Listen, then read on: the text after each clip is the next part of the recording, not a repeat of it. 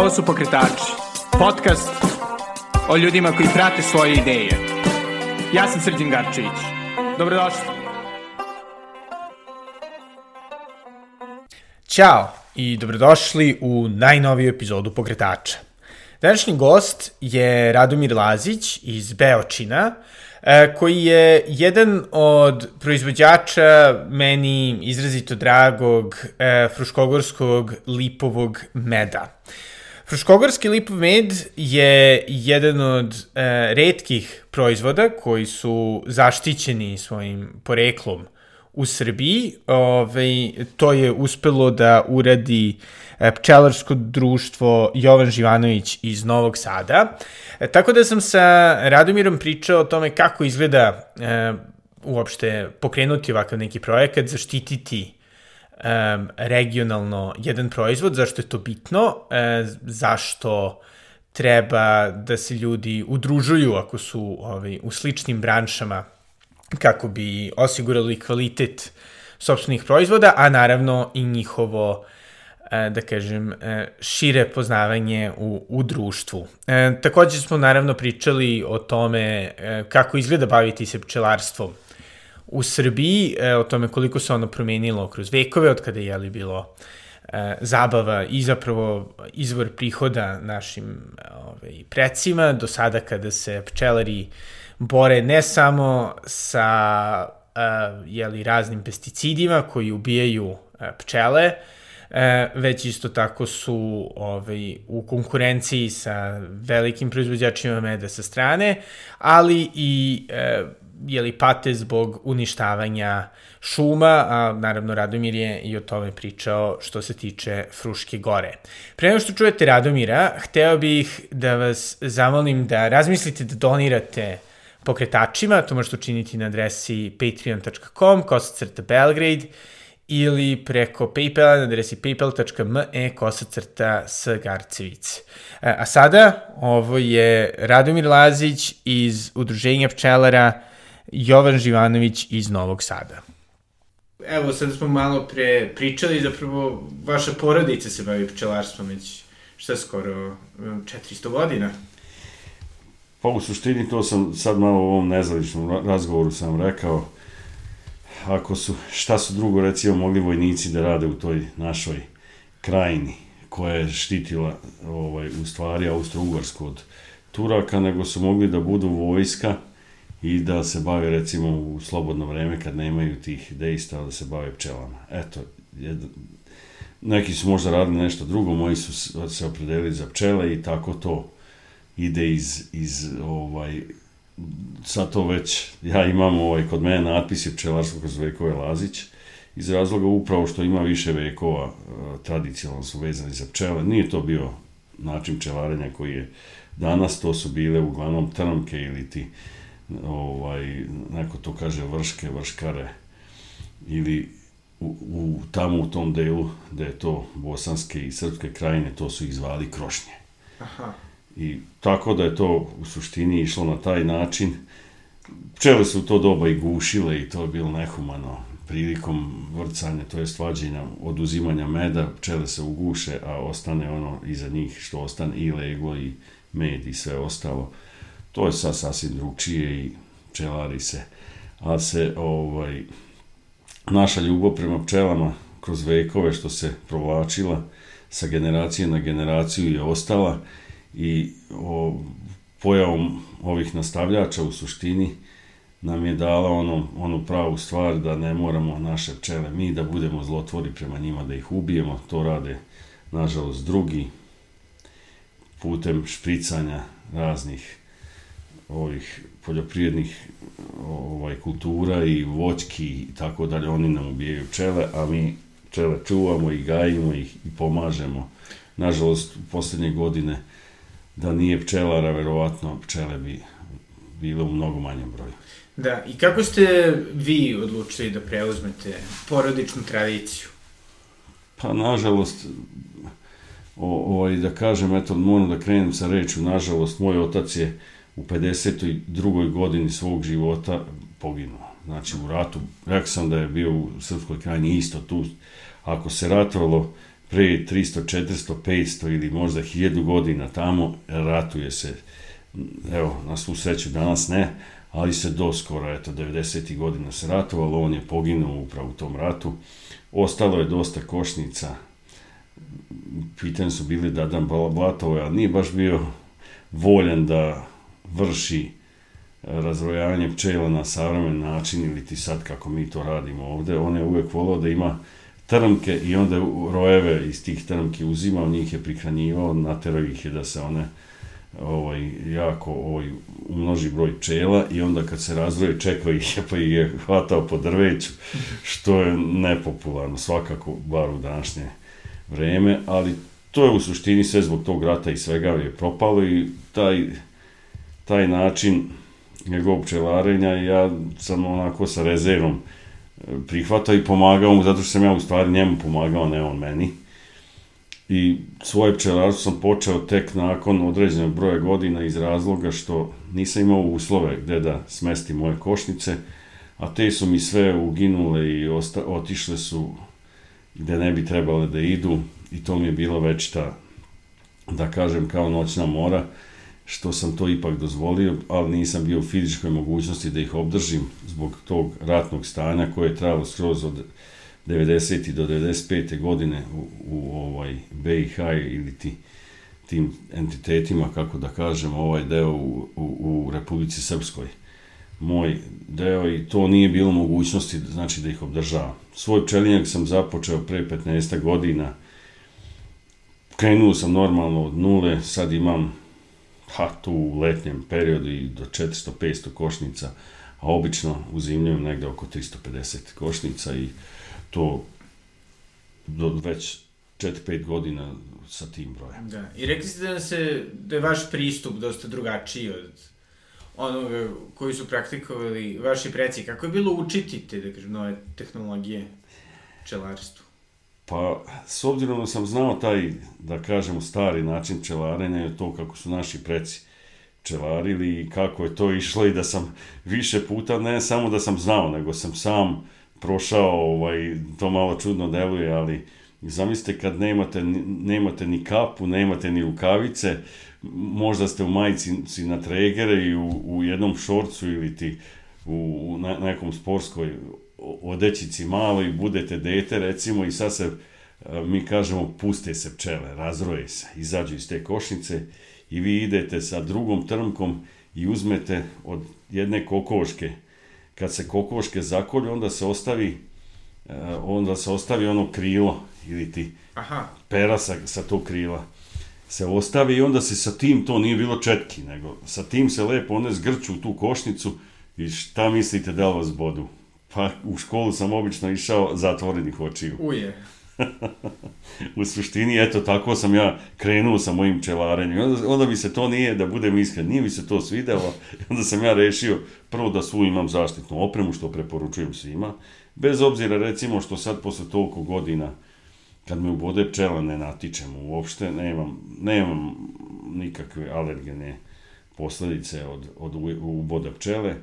Uh, u suštini, realno gledano je bolje da se čovek uh, ovaj, zaštiti, e, onda se osjeća opušteno, i, a pčele vole kad je pčelar opušten, onda ne, nema nekih naglih pokreta, mirnije, drugčije funkcioniše, prosto se sjedini s njima i to mnogo bolje teče.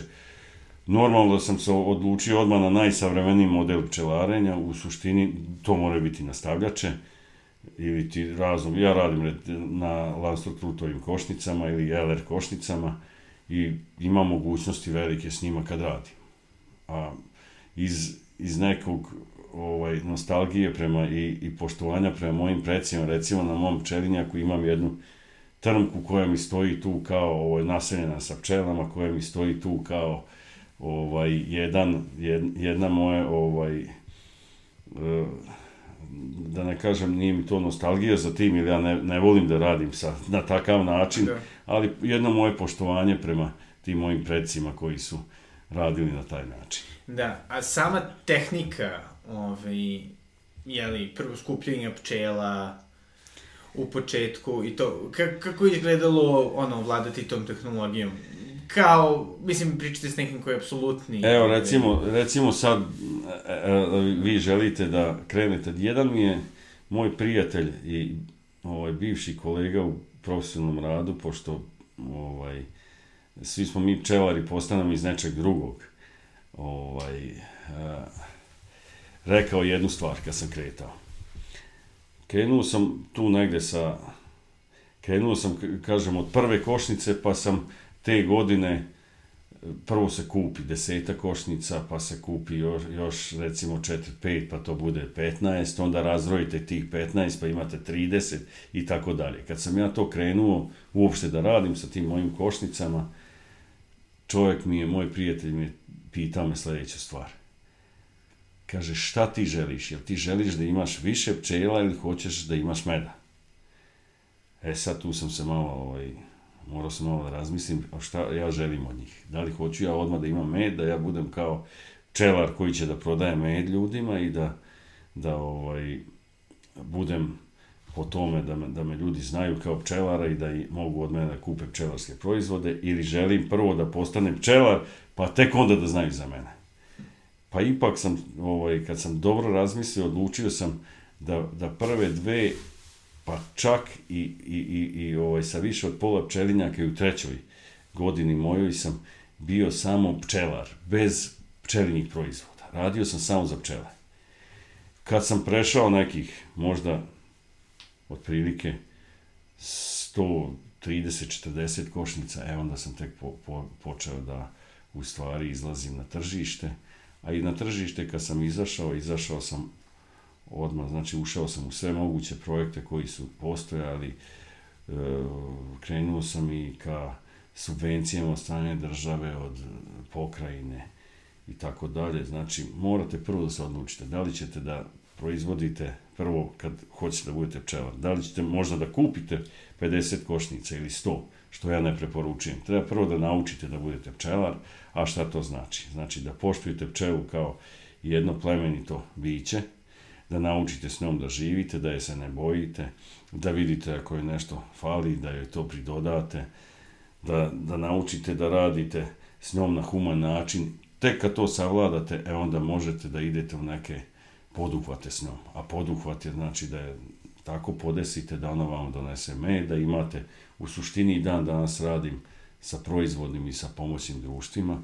To je moj stil pčelarenja i to i preporučujem. Znači, vi sa svim pčelama da idete na med, to je nemoguće.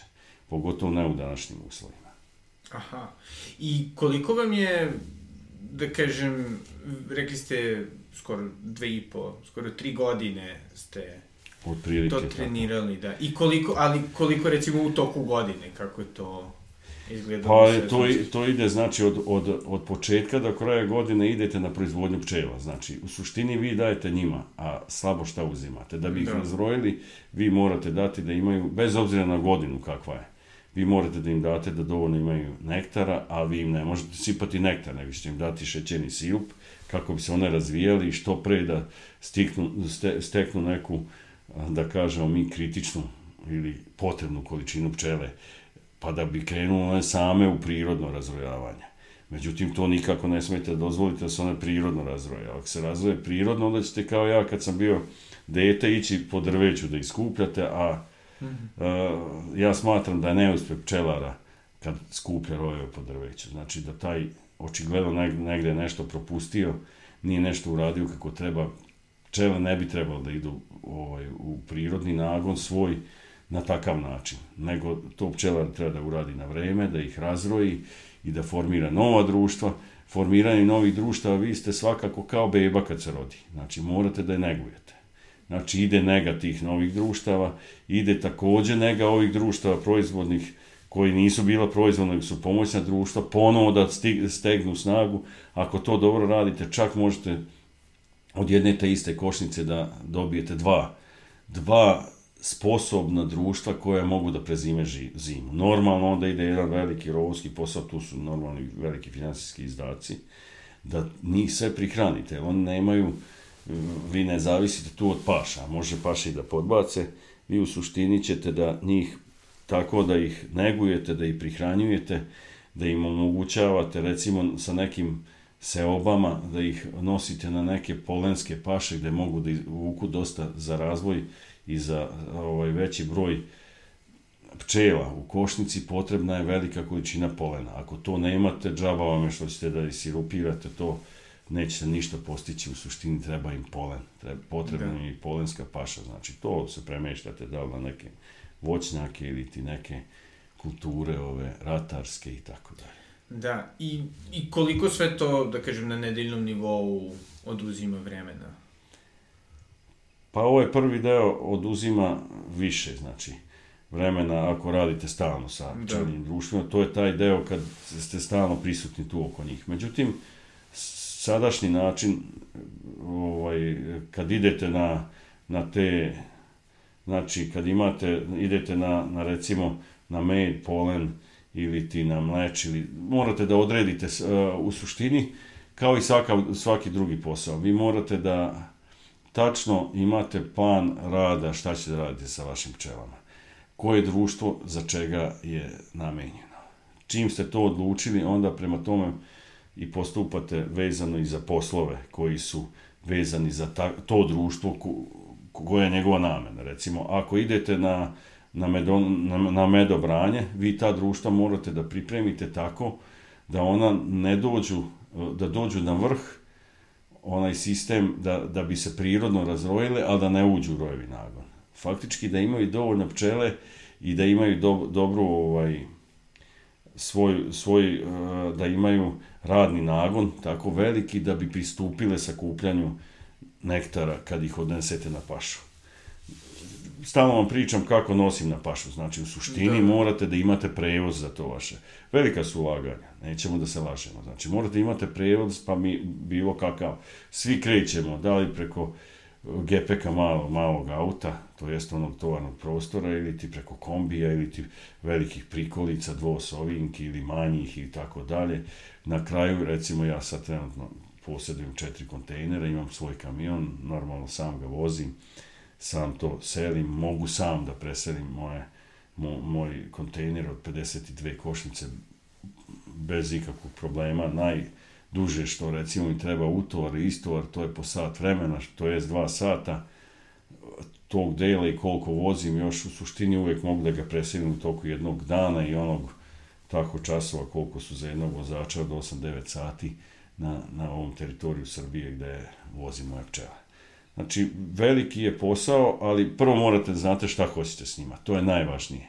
I onda prema tome su, pitali se za poslove, prema tome su i poslovi radit ćete, razlikuju se poslovi prema tim društvima u zavisnosti šta radite. Neke držite, recimo ako sakupljate jedan, recimo jedan vrlo vredan i koristan i zdrav proizvod, to je mačni mleč. Tu bukvalno držite ta društva stalno u, u rojevom nagonu. Tu treba da bude puno pčele i one stalno pokušaju da dobiju maticu, ovim u stvari oduzimate mleč svaki četvrti Aha. dan.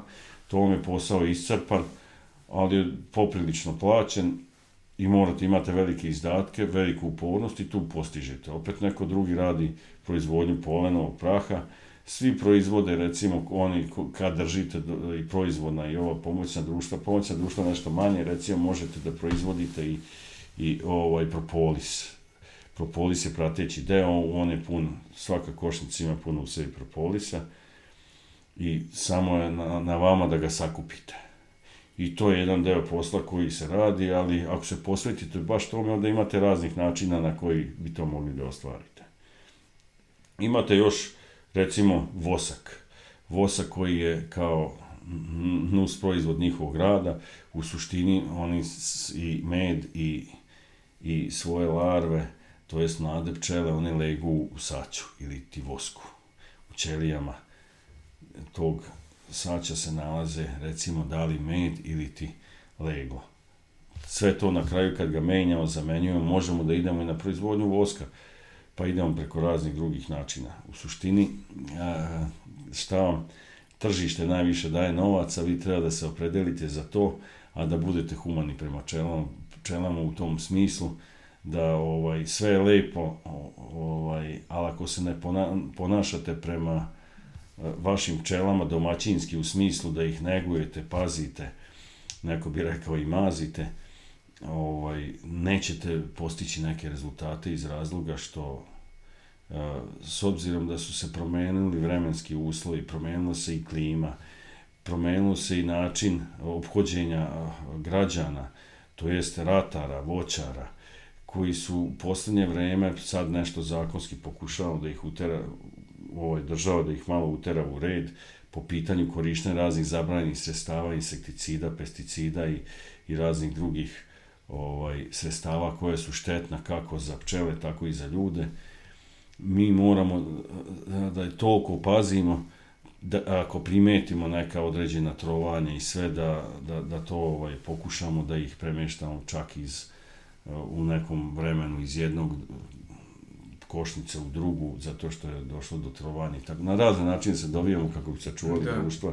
Jer u stvari to vam je jedno, jedan čelinjak je u stvari jedna mala fabrika koja će da radi ako se vi odnosite korektno prema njoj i ako se ponašate kao gaza te fabrike. Ali ako još i volite taj posao što radite u toj fabrici, pa ne mislim da nećete uspeti onda. Da. I šta je vama nekako najlepši deo ove, pčelarstva? Pa ja lično, s obzirom da sam od bebe, ne znam da se bojim čela, to je jedna stvar. Znači, da. stalno, stalno su bile oko mene. Aha. Od kako sam se rodio. Znači, nije, ne, ne zadaju mi nikakav strah. Može da me ubode i sad kad kažu, kad me neko pita da li voliš više da te ubode jedan komarac ili pčela, ja kažem može, tri pčele za jednog komarca. Komarac me ubode i srbeće me tri dana. Iskočit će mi ono, tamo i još ću da se izgrebem skroz. A pčela me ubode 15 minuta ili 5 će da me boli malo i više ni ne znam da me ubole. U suštini uvek je moj izbor pčela, a ne samo zato. Nisam rekao jednu stvar, recimo, kad smo pričali o tim pčelim proizvodnjama, recimo pčelinji otrov je, se može da skupi na human način, da ne ugine pčela, recimo vi ubodete vas, to jest vas pčela ubode, i ona ugine zato što ta žalka ostane u da, vašem, da, da. I, u, ovaj, zabodena u vašu kožu, to jest potkožni deo i vi dobijete na taj način njen pčelni otrov koji izaziva nekom i alergije, ali on izuzetno ovaj, poboljšava zdravlje. Da ne kažemo da leči, ali poboljšava zdravlje ljudskog organizma. Stvarno, na razne da, načine. Da, na primjer. Na primjer, recimo sad, obično, to je dokazano, znači 90 i više posto pčelara uopšte ne imaju reum, mm -hmm. artritis i te probleme sa zglobovima i kostima u suštini redko ko od njih, ako se počeo na vreme da bavi pčelama, na vreme znači od mladih dana, ako se ne zaštićuje previše, znači zbog tog, a zašto se ne zaštićuje previše? Pa znate kad ja stavim, nažalost, eto to ću sad da kažem ovim mlađim, to nije dobro, znači. Ja u suštini stavljam zaštitnu moju, moju odeću tek mi izbode 10-15 pčela i onda da. mi dojadi da me stalno bodu i onda ja odem uzem rukavice i stavim kapu na glavu. Znači, ipak to boli. A znate kako se one bodu? One uvek u bodu tamo gde su već jednom ubole. Pa kod bode treća, četvrta, peta, sve u blizu to mesto gde su vas ubele ove prve, onda to sve više i više boli i onda u stvari shvatite da treba da se zaštitite malo, jer u, u stvari njih ubijate, iritirate, jer ona gde ubode jedna, ova druga isto ide tamo, pošto taj pčelni otrov njih iritira i one idu da se brane ili ga osete. Trebali bi znači da imate, evo sad jednu malu tajnicu, uzmete malog, recimo ja uzem, kad, kad radim, ima velike zahvate na pčelinjaku, ja uzmem obično jednu flašicu malo jabukovog sirćeta i namažem moje rukavice, čak i po širitu od kape. Namažem da mi se ne zalepe ovaj, na čelo, obično kad se osnovi čovek, onda mu se taj širit ili taj gornji deo kape zalepi za čelo i na taj način ovaj, pčele osete znoj pa mogu da vas bodu po pčeli. I tu malo namažete i vi radite ceo dan.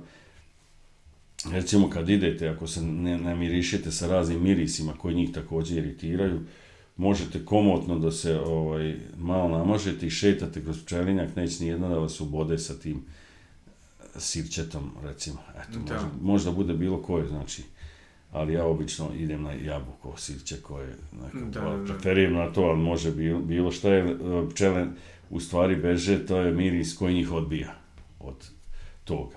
Da. Pa to bi u suštini bilo to kad čovek radi, treba da se zaštiti. Da, da, da, da. Ali mislim, pri, ono nekako za nekoga ko nije naviknut da ga bodu pčele, nekako sve to, opet nekako, ili postoji, ne znam, koji vam je aspekt pčelarstva najzanimljiviji, to kao planiranje toga šta ćete da pravite, održavanje pčela, briga o, jeli ti, vrlo divnim bićima. Pa vidite, ja sam u suštini naj, najsrećniji kad pčele lete, kao pčelar. I kao čovek koji je rođen pored njih. Ja kad čujem da ona njihovo zujanje, vesel, vesel lejt njihov, pa još kad ih vidim da ona lepo vuku polen, pa da su teške da pada ispred košnice, pa to se tačno vidi da je kao kod, kod ljudi kad su srećni i zadovoljni. Vidite da su srećne i zadovoljne. E, tad sam i ja najsrećniji, da. najzadovoljniji. Ne kao pčelar, nego kao čovek. Da. Jer to su moja, ovaj, morate imati, ako želite da se bavite sa ovim poslom, Digitron možete odmah da ga bacite. U ovo vreme Digitron ništa ne znači. To ko vam je, ako su vam pričali nekad ovi naši stari naši ovaj, pčelari ili predci naši koji se bavili s time, s tim, sa, sa tim zanimanjem pčelara, da je to bilo stvarno unosan posao, kao posao. Međutim, vreme se tu zbog ovih klimatskih promjena promenulo, neće to da bude baš više tako, zbog svega ovoga, zbog izmišljenih raznih hemikalija, gde nema više korovskog bilja koje znamo dobro medonosno, sve smo to uništili, ostavili smo bez na, na, naša polja bez livada, ostavili smo ga bez recimo razno, raznog ovaj, a, kupina, malinjaka, maslinjaka, sve što je, gledamo samo da nam uspevaju neke ratarske, povrtlarske ili ti voćarske ovaj, vrste koje nama odgovaraju, nemamo, a pčela nema selekcije te vrste, znači postoje, na Fruškoj gori je postojalo 287 medonosnih ovaj, biljaka ili ti vrsta, sad je to smanjeno, a recimo Fruška Gora je nacionalni park. A zamislite tamo gde nije zaštićen, gde nije zaštićen, ne, gde, da, da nije nacionalni park, šta se to sve desilo. U suštini, kad bolje pogledamo, ako bi ovako nastavili, mi bi opustošili našu zemlju u smislu da bi samo uzgajali ono što nama treba i odgovara, a ne obraćamo pažnju na prirodu, na, na ovaj biodiverzitet koji je u stvari potrebno da bi mi živeli u životu sa, u skladu sa prirodom. Mi samo hoćemo ovo, nas ne zanima da recimo ispod velikog drveća treba da živi jedan lešnjak. Lešnici ovi što da. Nego smo mi smisli sad ćemo lešnike mi da sadimo po velikim njivama, parcelama i tu sad imamo određene probleme prilikom tako, a to se znalo kako se radilo ranije. Na ivicama njiva su bili red lešnika koji je bio u blagoj hladovini i tako dalje. Ti lešnici su prvo medobranje za naše e, polensku pašu, znači ne medobranje, nego zna, najkvalitetniji, najbolji polen, kreće, to, lešnik kreće da cveta od, od kraja januara pa skroz do, evo sad, tu negde do polovine marta cvetaju. Neki da. čak i do kraja marta. U suštini to nam je potrebno za pčele. Ako mi gledamo da to sve iskorenimo i da idemo sa nekim hibridnim vrstama, da to sve nešto sprečimo, da to što kraće traje, to sve nama uništava pčele.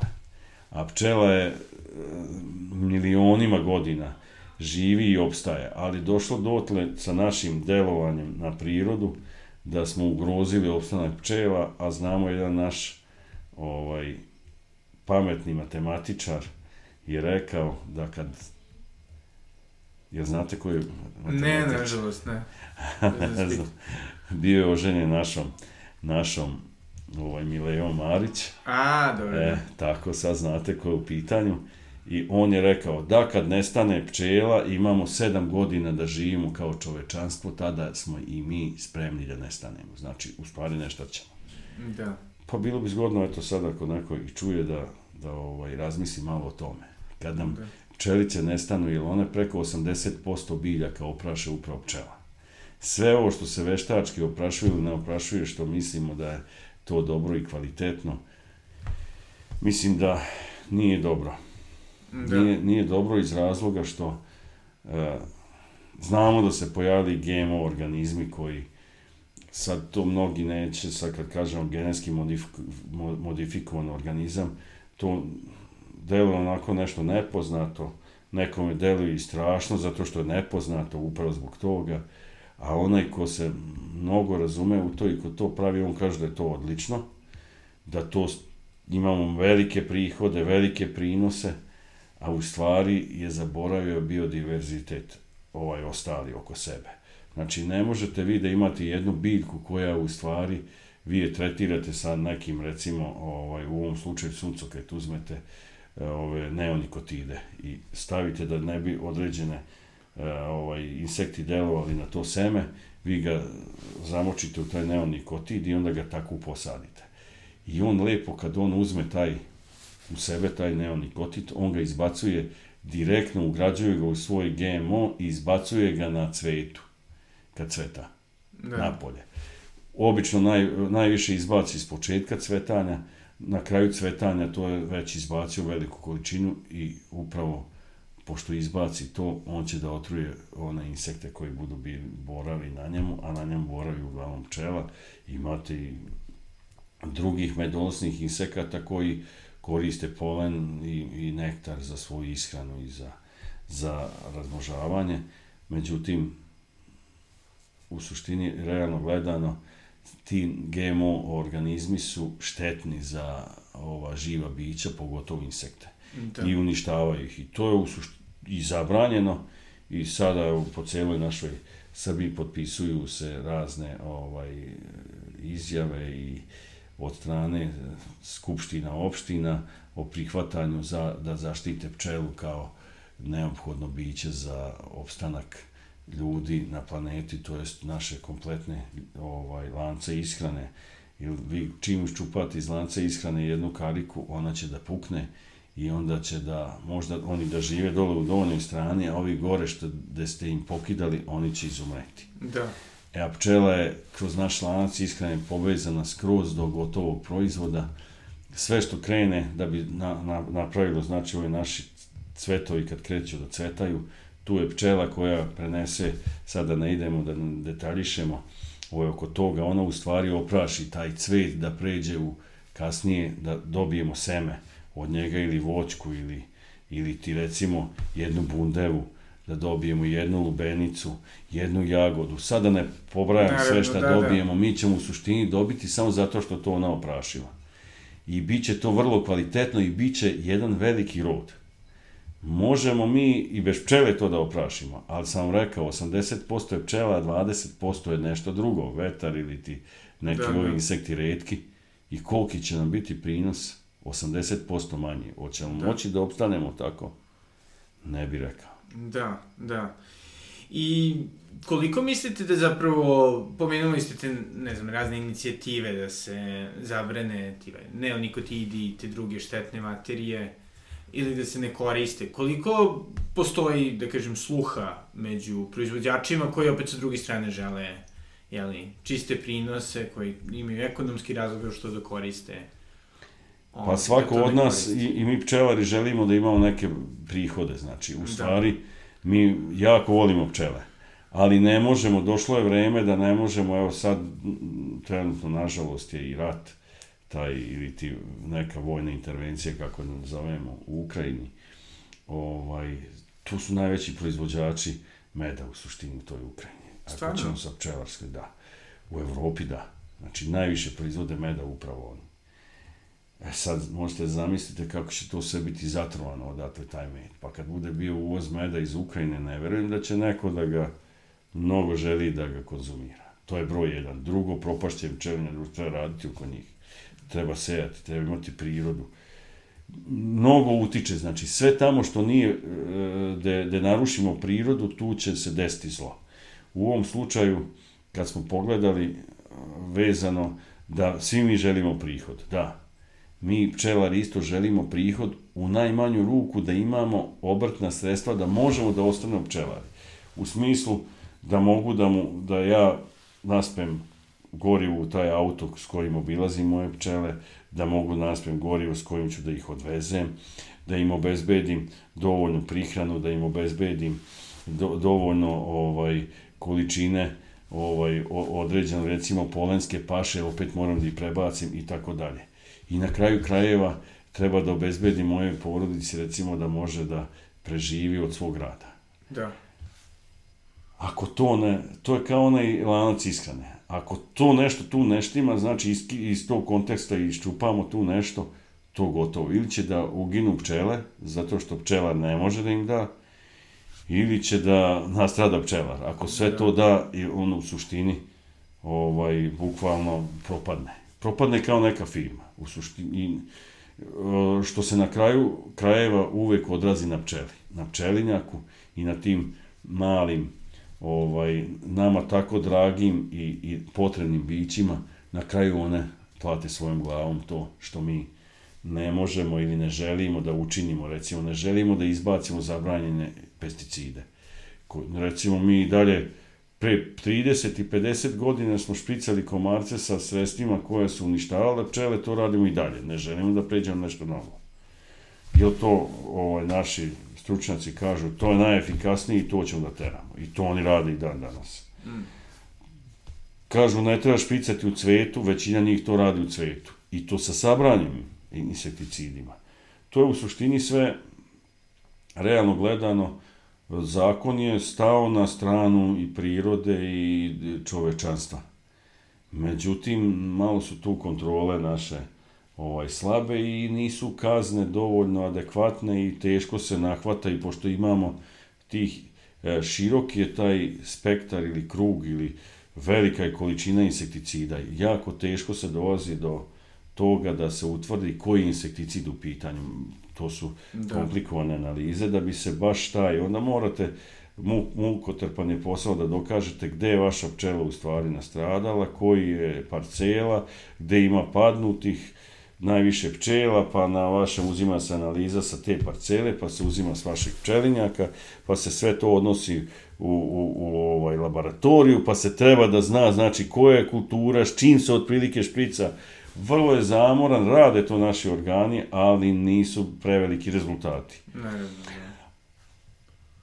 Po meni, ovaj, ako se nešto radi i kad se radi, e, to garantuje e, uspeh u početku je on, svaki početak je težak, to je, e, pravda uvek spora, ali dostižna. I ja mislim, ovaj, doneti su još razni propisi i zakoni vezano i za korišćenje koji su trenutno trebali da počnu da važe od 2022. pa su pomereni na godinu dana. Mislim da po tom pitanju idu bolja vremena za očuvanje, za očuvanje naših pčelinjih društva i pčela kao bića uopšte na planeti Zemlji, da to ide na bolje. Ušli smo u te projekte koje je predvidela Europska unija. Pomenuo sam Ukrajinu kao naj, ovaj, Veću, najveću po pitanju meda. proizvođača meda. Međutim, u Ukrajini se proizvodilo, recimo ti neonikotidi se proizvodili u Ukrajini, uglavnom. Hmm. Znači, iako su svugde u svetu i, i, i ovaj, zabranjeni Evropi, kod njih se proizvodili. Je, odatle su naši poljoprivrednici nabavljali i to vam je, ja vam pominjem neonikotide recimo u suštini, osnovno preživljanje naših pčela već poslednjih 5-6 godina nema baš nešto nektara, to jest meda, oni od nektara prave mede i recimo suncokret. To nam je bila sigurna paša preko koje smo u stvari našim pčelama obezbeđivali med za zimu, za prezimljavanje u augustu mesecu.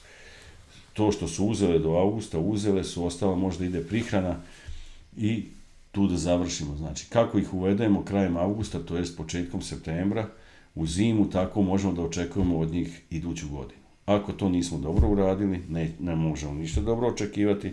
Ako smo to uradili dobro, stručno, uz nazor nekih naših, ovaj, da li stručne literature, znanja, iskustva ili nečega što treba svako od nas da, da, da, da ovaj, sebi stvori neku sigurnost, da zna šta radi, kako radi, nekad se možda desi da mi u stvari ne znamo dobro ovaj, kad se pojave neki novi momenti, nismo sigurni šta se to dešava i dogod smo živi i dogod se bavimo pčelama i pčelarstvom, treba da smo spremni da saznajemo, da učimo, da jedni drugim delimo iskustva, znanja i naša, naša određena stremljenja prema nečemu, kako bi bolje savladavali neke probleme koje ne zadese usput. Da.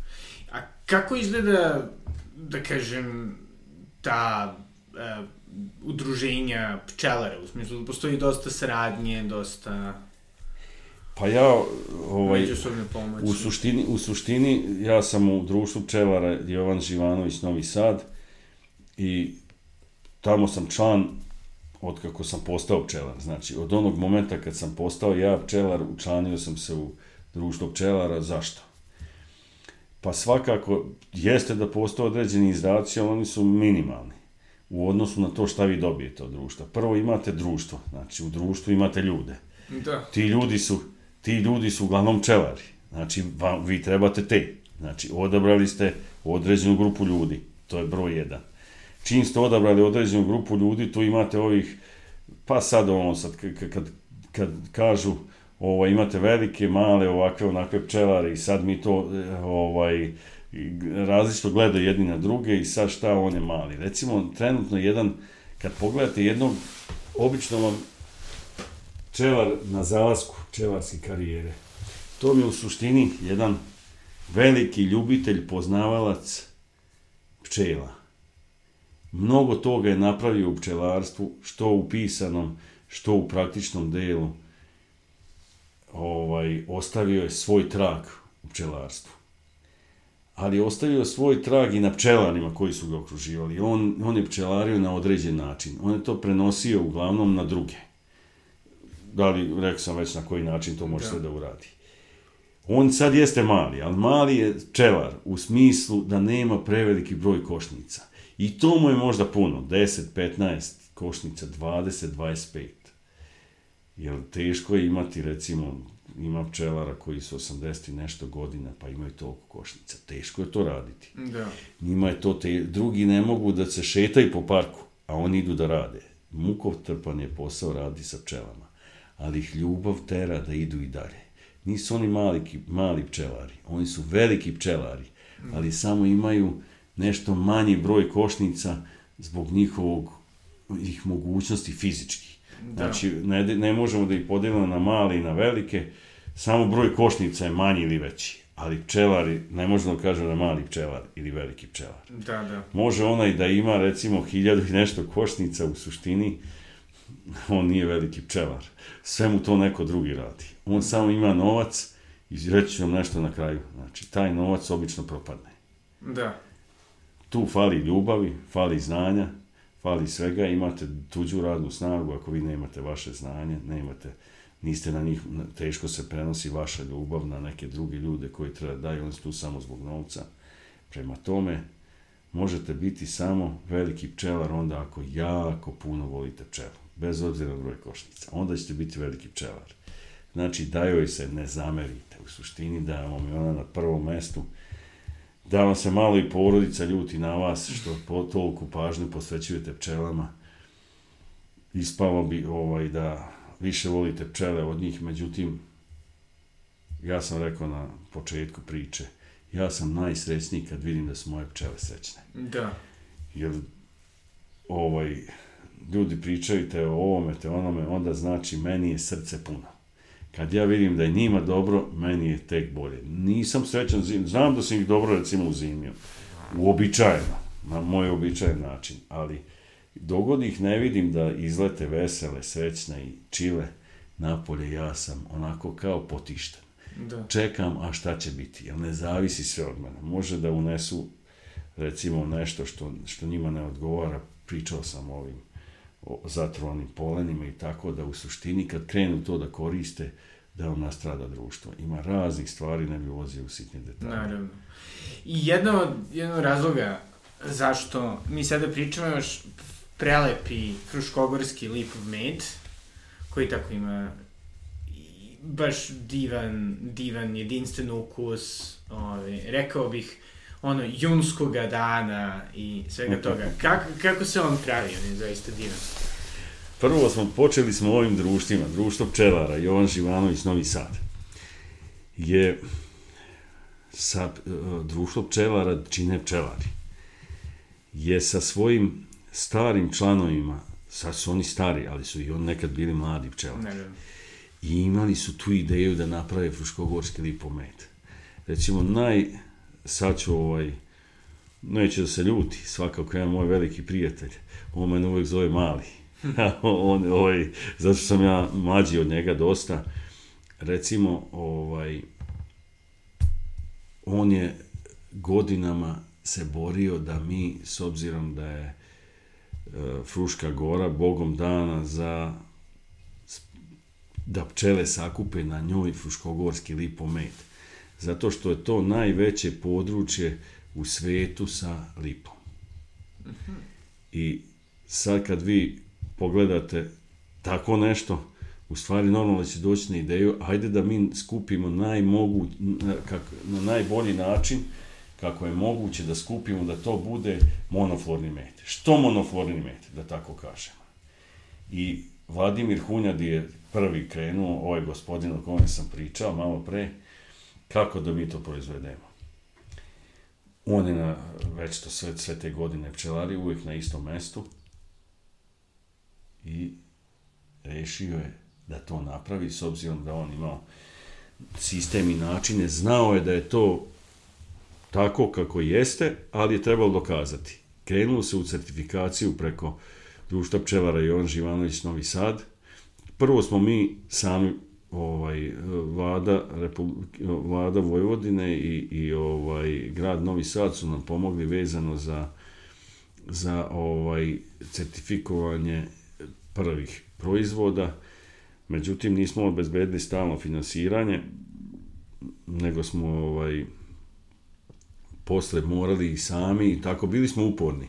Da. Da to Kada ste sprovedemo do kraja. krenuli? Pa krenuli smo pre pa tu sad, sad, sam se malo tu zagubio, znači to je negde možda bilo, pa ima e, č- 14. godina mislim da je bila.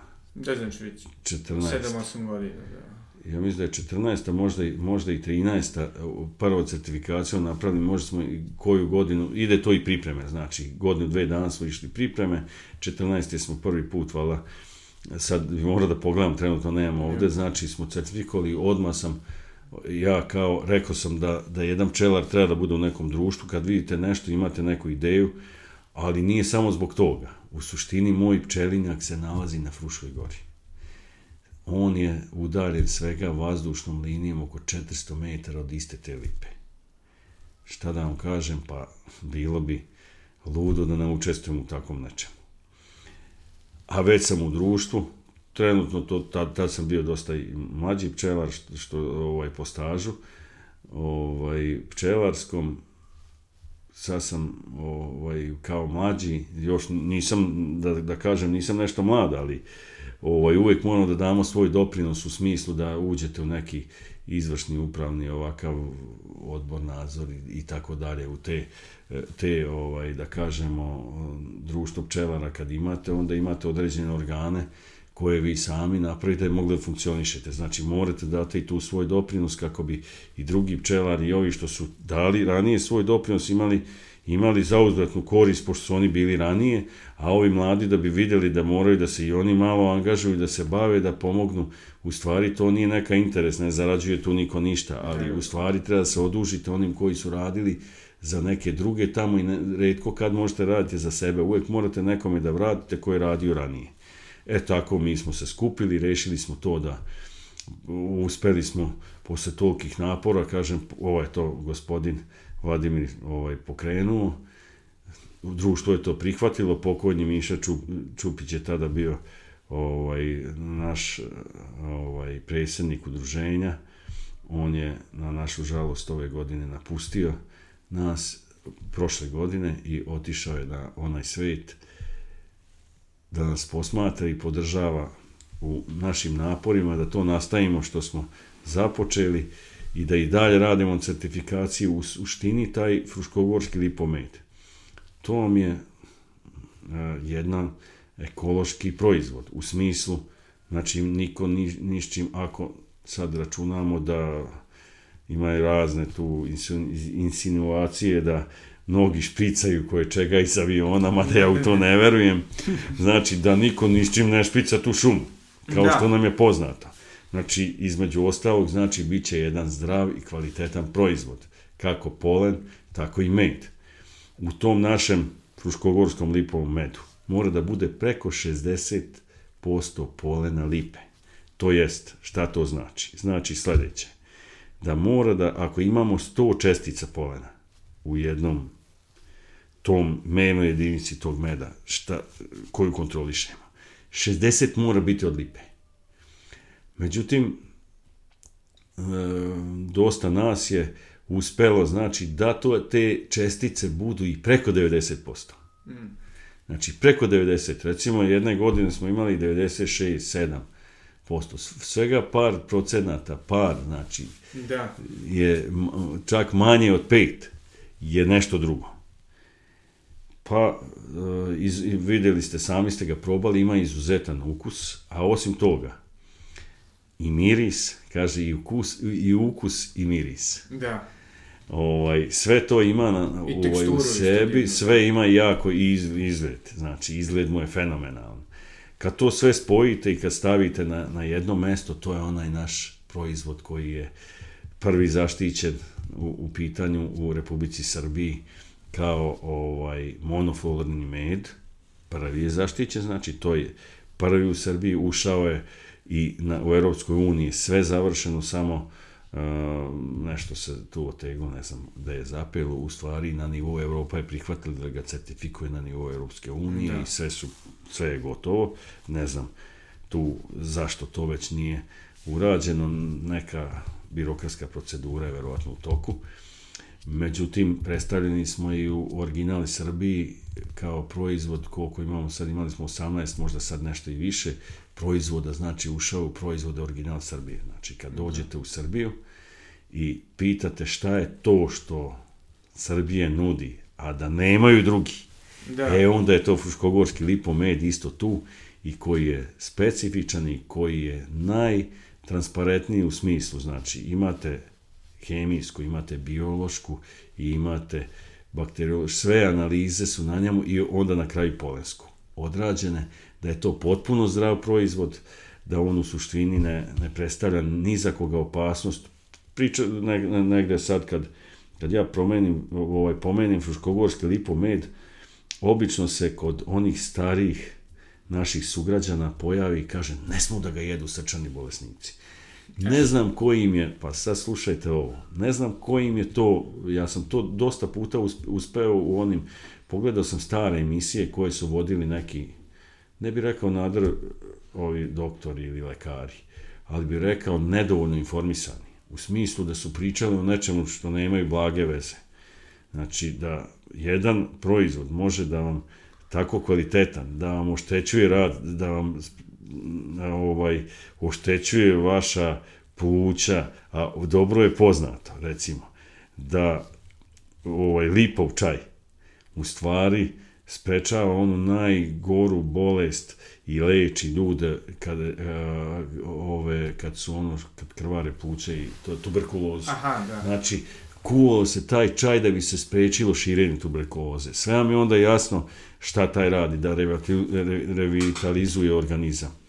I kad pogledate da su to doktori pričali, e to onda najstrašnije. Međutim, u posljednje vreme doktorska praksa je sasvim počela se bavi svojim, svaki doktor svojim.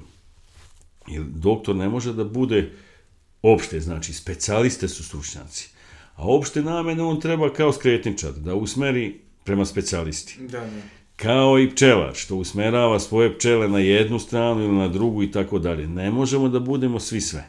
I ne mogu pčele da rade isto sve baš sve, nego isto tako i specijalisti. Prema tome, znači, nije, nemojte narode da mislite da je štetan po bilo šta, ni po čeg nije štetan. Razume se u životu da je i najveći lek na svetu može da bude štetan ako se predoziraš. previše, da, da. Ako se previše uzme i A predoziraš. znamo da je naš političar ovaj, napao med i propali na početku korone, ali...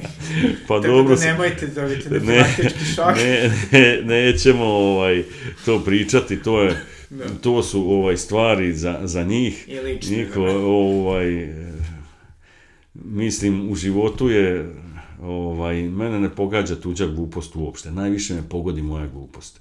Ako nešto kažem, od nje se najteže odbraniti od svoje gluposti, zato što i verujete u to. To je Da. najveći problem što vi verujete. Istina. A ja znači, kažem vama, znači nemojte verovati, to vam je najzdraviji proizvod trenutno ne na srpskom tržištu, na svetskom tržištu. Izuzetno je, znači, uzet je tamo gde nije zagađeno.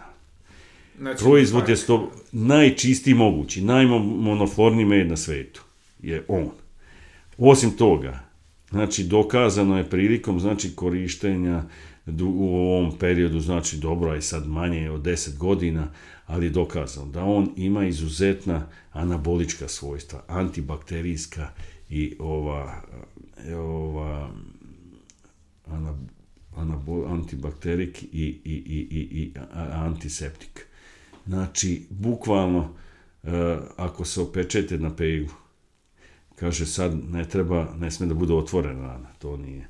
Ako je to malo, znači negde se se malo opekli. Kad nama- namažete taj, ovaj, može i druge vrste, ali fruškogorski lipomed, on najlakše izvuče, recimo, tu temperaturu i brzo se veže za ćelije ispod kože i revitalizuje kožu da ona faktički ne otpadne Aha. Ostane malo crvenili, vrlo brzo koža postaje elastična i nastavi da živi. Znači, ne sme da bude velika, opekot je ne znam Naravno, stepena. da. Znači, realno gledano, ali uvek morate da imate kulturu korištenja. Kao što vam tamo ovaj propiše, e, e, rekao bi jednu stvar. Zašto u stvari med nije lek? Prosto jednostavno.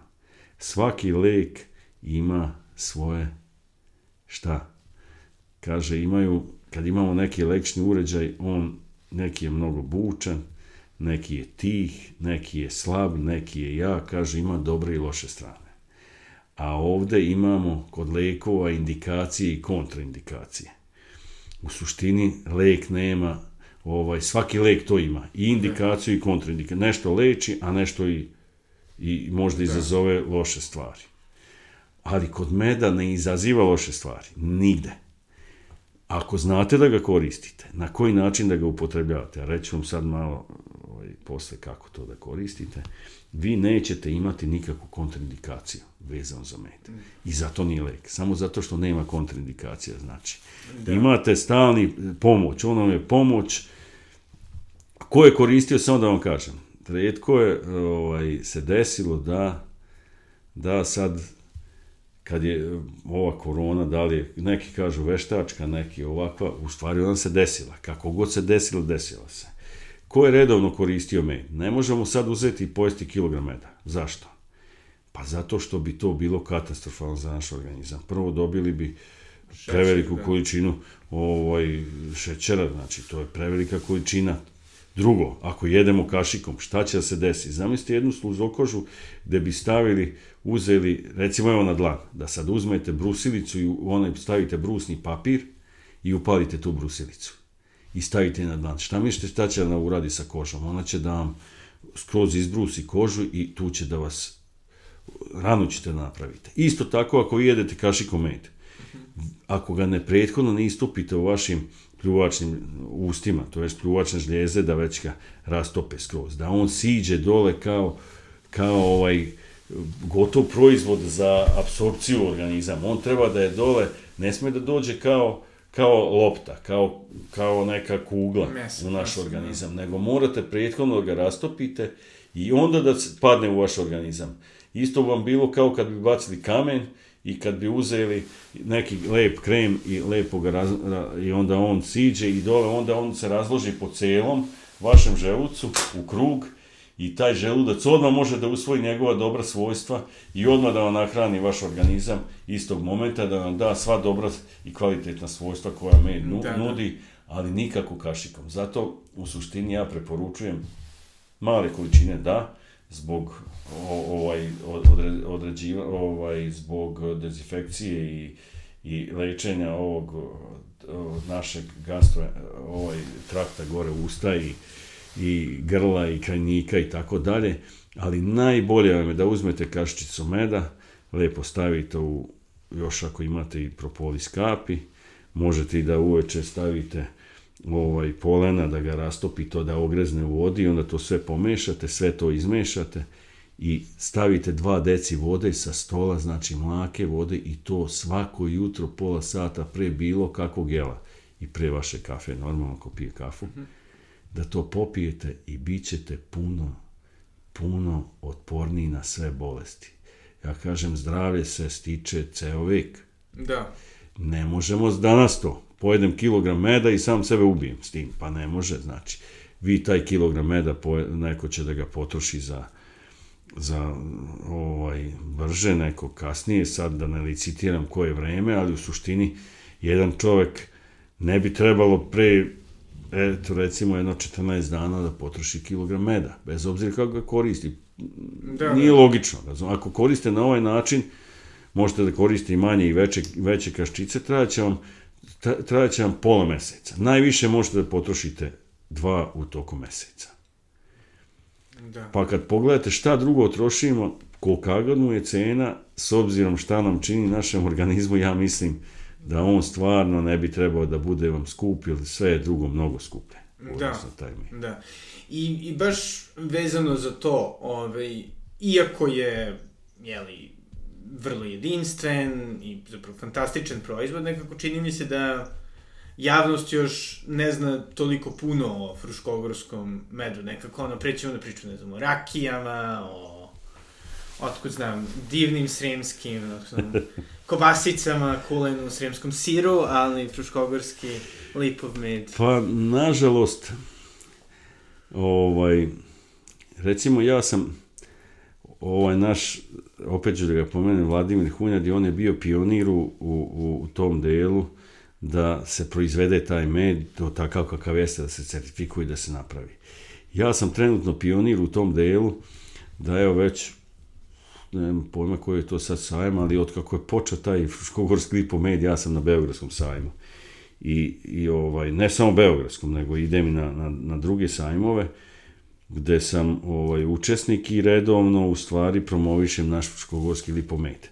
To je jedina, u stvari, nije jedina, znači jedina za javnost, ovako kad pogledamo u ono, u, u smislu medova, znači gde, gde mi stanemo na crtu naš med i ove ostale medove koje smo već godinama naučili da imamo i koje smo naučili da zovemo recimo lipomed. Fruškogorski lipomed je znači zaštićen. Zaštićen mu je geografsko poreklo. Ne može da koristi čak ni naziv Fruškogorski lipomed bilo ko drugi. Da. Samo može onaj koji u projektu. Znači, društvo pčelara Jovan Živanić Novi Sad, koji ima certifikat za to. Taj certifikat se obnavlja i za uh, količine. Tačno se zna koja je količina proizvedena meda u kojoj godini. To se naredne godine recertifikuje pa dobijete ponovo na taj certifikat. Zna se, znači ne može se pojavi odjednom, imao je 500 kg meda, odjednom se pojavilo 5 tona. To je nemoguće, znači.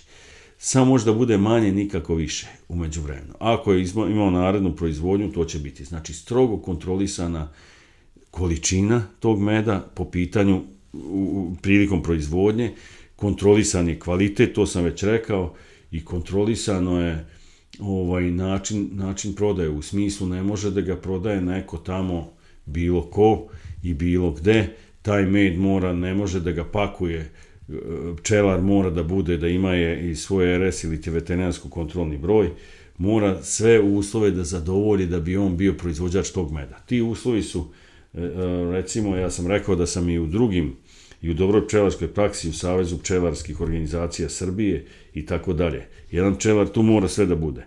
Međutim, ja znam da ovaj gospodin ovaj naš predsednik Sposa ja, dobar sam s njim, ali u suštini e, reklama je išla na drugu stranu.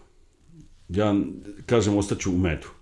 Neću da idem recimo na kobasicijadu, slaninijadu i tako dalje. To su sasvim različiti proizvodi, ali mi promovišemo recimo u državi Srbiji našoj, promovišemo jedan homoljski med, homoljski med. I sad kažem med sa homolja i tako dalje. Oni su to pokušali da certifikuju, sad, ću, sad će ispati da sam antireklama, nisam niti zloban, niti antireklamista. Naš predsednik Sposa uglavnom se zaglavi na, na ovaj štandu gde piše homo, med sa homolja ili homoljski med. Oni to nemaju certifikat, nemaju svoju nemaju ništa zaštićeno. U suštini nemaju ni državnu markicu, ništa od toga nemaju. Mislim, o čemu mi pričamo? Iako je pričamo, sjajan, da. pričamo, pa dobro sjajan. Sad ću da bude malo i grub. Sjajan je u smislu da skupljaju med. Znači, na Fruškoj gori i na poljima Vojvodine. I normalno bagremo med koji je širom Srbije. Eto, toliko je sjajan. Šta da vam kažem? To je mešavina medova koja je tu. Probali su da proizvedu jedne godine i proveli, proizveli su ukupno 700 kila. Da li možemo da pričamo o bilo čemu gde je 700 kg meda? Pa mislim da je izlično pričati o tome. U suštini, ne trebamo da, da gledamo čije je šta je, nego treba da gledamo gde možemo da uključimo što veću. E, neću ja da kažem da e, ti ljudi ne imaju kvalitetan med. Svakako da imaju. Ali treba da uradimo sledeću stvar. To je moj cilj kao ovaj, pošto sam u društvu pčelara Jovan Živanović u izvršnom odboru tog društva, da svi ti pčelari koji dolaze u našu lepu Frušku goru, da ih uključimo u certifikaciju, da proizvedemo upravo ovaj fruškogorski lipomed, da će oni biti nosioci tog takođe certifikata, da će ga izvrcati ovde na Fruškoj gori. Imamo, mi smo, nismo stali na tome. Rekao sam vam da mi šta radimo sa reklamama, znači povećat ćemo i reklamu. Imamo Fruškogorsku košnicu, zadrugu našu, gde sam Da. takođe član, nas 17 ima koji su članovi te zadruge. Tu ćemo da ga odložimo i ovaj, na taj način će on tu ostati i plasirat će se kako na domaće, tako na svetsko tržište odatle. I to može da proizvede taj med svaki pčelar koji se potrudi da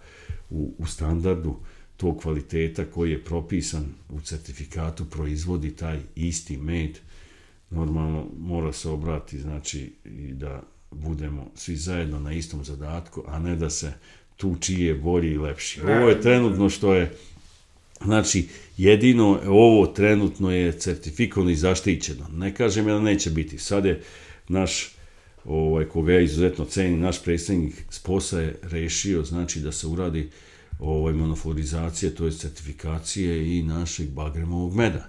Jer u stvari tu nam je, e, da bi se razlikovali od drugih, sve je bagremov med dok se ne dokaže drugčije.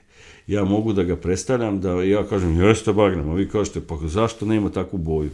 Pa vidite, moj ima ovakvu boju. Ne znači tu mnogo ni boja ni ništa, ali kad vi to lepo imate polensku analizu, pa propišete koliko ona mora da bude, koliki treba da bude procenata, čega ne sme recimo da bude u tom, ili sme, vi ste to uradili prema određenom projektu, prema određenom standardu koji ste sami postavili i vi dobijate proizvod koji je urađen skladu sa tim da. i to se zove, certifikujete na taj način, ima certifikacijska kuća koji to radi, trenutno radi ova kuća iz Subotice za nas i to vam je to. Nema laži, nema prevare, sve je tu. Nećemo mi reći da svi će proći, obično ne prođe. Da, Recimo, to je i poenta. 20-30% ljudi ne prođe iz nekog razloga. Ali mi onda učimo iz toga da vidimo zašto sad nismo prošli. Jednom prilikom i ja nisam prošao. Znači, nisam prošao, to je bilo na početku, trebalo je znati kako. Svi mislimo da možemo, a u stvari ne možemo. Da. Dok ne shvatimo kako treba da radimo. Kad jednog dana osetimo na svojoj koži da nešto nismo dobro uradili, onda ćemo se idući put da ovaj, posvetimo tom i uradit ćemo dobro. Prema tome, mi pčelari mora da budemo na istom zadatku, ako, nam, ako nešto ovaj, neko dobro napravi, treba da mu se priključimo, kako bi i mi isto to dobro pravili zajedno s njim. Fruška gora je velika, međutim, postoji jedan problem. Ja ne mogu to da ispustim priliku, jeste da ću imati, ovaj, zbog toga imam dosta ovaj, uvek kritika, ovaj, najstariji nacionalni park u Srbiji je Fruška gora. I šta možemo da kažemo njemu po pitanju šume? Do 2025. godine imaju određen plan sečenja, a čim on kaže da ima plan sečenja, znači da je neko nešto isplanirao da se seče šumu. A toliko su isplanirali da faktički su planirali da tu našu fruškogorsku lipu, pošto je invazivno drvo, ne vole je, nije im dovoljno čvrsto, nije im dobro ni za ogrev, nije nešto ni za građu, treba ga iskoreniti, pa onda će da sade kao hrastove, bukve, grabove i tako dalje, što normalno uz ove financije koje imaju ne mogu da da, da izvedu, trebalo bi ga i navodnjavati, da bi to se primilo neka mlada sadnica, bilo kakva, trebalo bi ovaj, trebalo bi ga održavati, da on može se izbori sa onim izrastom koji raste iz korenja, trebalo bi uložiti puno, puno i para i truda i vremena da se to promeni kultura ta. S obzirom da mi od toga nemamo jako malo, ni 10%, što se na pobroju sredstava, ja mislim da će neko da se seti u našoj državi, ako smo mi zatekli još od e, koliko stotina godina ispred ili već ne znam tačno taj podatak da je ta tu lipa postala autoktona vrsta, da je invazivna, da se tu namestila, nek sačuvaju ovo što je ne, nešto drugo, znači specifičnost neke hrastove šume, ostavite lipu, nek raste, jer vidite, a iskoristite, imate, možete, kako ovi mimozu ovde donesu, imate i dane lipe i napravite neki, neki kad to, to lepo iscveta gore. Ima i razni načini da se dođe do profita, a da nešto ne morate da uništite. Da uništite, da. A na Sa ovaj način rezultatima. rezultati svakako nisu obećavajući, Da. znači jake su, jake su male šanse da budu uspe... Znači, oni rade određene radnje, ali su, ali su jako male šanse da se uspe u tim radnjama, bar u onom smislu da ako su iskrene njihove namere. Međutim, ja moram reći da ne smatram čak ni da su skroz ni iskrene, ali ja lično. Ali dobro, svako ima svoju ovaj priču vezano za svoj posao, pa on mora da je tera. A naše, eto, sada iskoristimo to što lipe ostane i koja će se boriti, obično priroda nadvlada čoveka. I ovo što mi sad sve radimo, ne smemo samo dozvoliti da uništimo pčelu kao najplemenitije biće, a priroda će se boriti dalje sama za sebe. Naravno. Hvala puno. Ili imate ove, još nešto da poručite, ili postoje neki planovi, manifestacije, promocije Fruškogorskog lipovog meda? Pa svakako mislim da će biti nešto vezano i za Novi Sad preko društva pčelara, da ćemo ove godine nešto da napravimo, da ćemo Grad izaći na... kulture, da. Da, da ćemo izaći ovaj na, na ovaj, ovaj put, verovatno će to biti Spence nekad smo tamo, tako smo nešto pričali, po pitanju i normalno. E, uvek nam je prvo i osnovno za društvo pčelara Jovan Živanović Novi Sad Fruškogorski lipomed. Nadam se da ćemo imati, eto, iskreno se nadam, znači da ćemo upravo ove pčelare koji dolaze i sa Homolja i širom Srbije na Frušku goru i koji pčelare tu ima i on nešto lipe tamo, ali nije toliko čista, znači da ćemo ih u stvari pridobiti na istom zadatku da mi ovo lipe što nam je ostalo, a da nije ovaj završilo u- balvanima ili tim kladama, metericama ili kako to ko kaže, ovaj, da je ostala uspravna i da na, na, na njoj još ptice pevaju, pa da iskoristimo taj deo i da napravimo najlepši i najbolji fruškogorski lipomed koji je ovaj, napravljen ovde na teritoriji naše Srbije.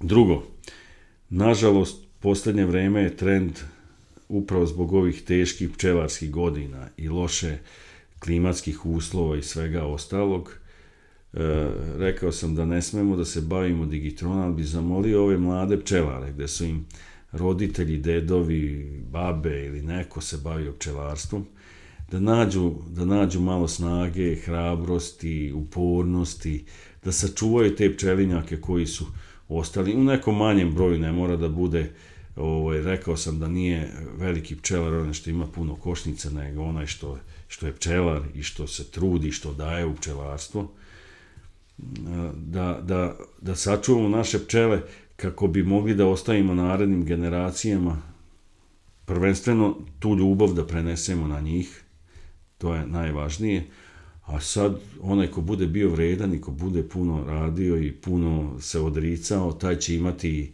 ovaj, da kažemo i neku finansijsku korist. Da. Naći će načina da i to stekne. Pa prema tome, eto, pozdravio bi sve i ove koji su budući, sadašnji pčelari i nadam se, ovaj, pogotovo građane, znači koristite med tokom 365 dana u godini, lagano, svaki dan, pomalo, to vam je zdravlje. Sve ovo kad se razbolite, sve operacija ide onog momenta kada je čovek bolestan od nečega. Ali da je možda mislio malo ranije o tome, ne bi došao do operacije. U smislu da čuva svoj organizam, da ne polomi sam sebi leđa, da ne skoči sa neke visine pa slomi nogu, pa da moraju da mu operišu, sklapaju kosti i tako dalje. Znači, mi smo uglavnom uzroci većim delom naših, na, naših ovaj, stradanja u smislu našeg zdravlja. Znači, moramo da povedemo računa o sebi, a volao bi da su nas čuli i, ovaj, prvenstveno i ovi koji se bave raznim ovaj, hemijskim sredstvima, da nas čuju i da shvate da pčela tu nije zbog, ovaj, samo zbog sebe, nego i zbog nas. Da nam je ona potrebna i da upravo te njihove kulture koje oni pokušavaju da zaštite, da ona pomaže njima da one što bolje rode, da tom gazdi, to je poljoprivredniku, da mu daju što bolje prinose i da posmatraju prvenstveno ovaj pčelu kao jedno bogom dano biće, a pčelara kao jednog čoveka koji je tu da služi tim pčelama i da uz to ako uspe nešto ovaj da zaradi, jer ako ne zaradi neće moći da se bavi tim poslom. Naravno. Hvala puno. Hvala i vama. I to je bio Radomir Lazić.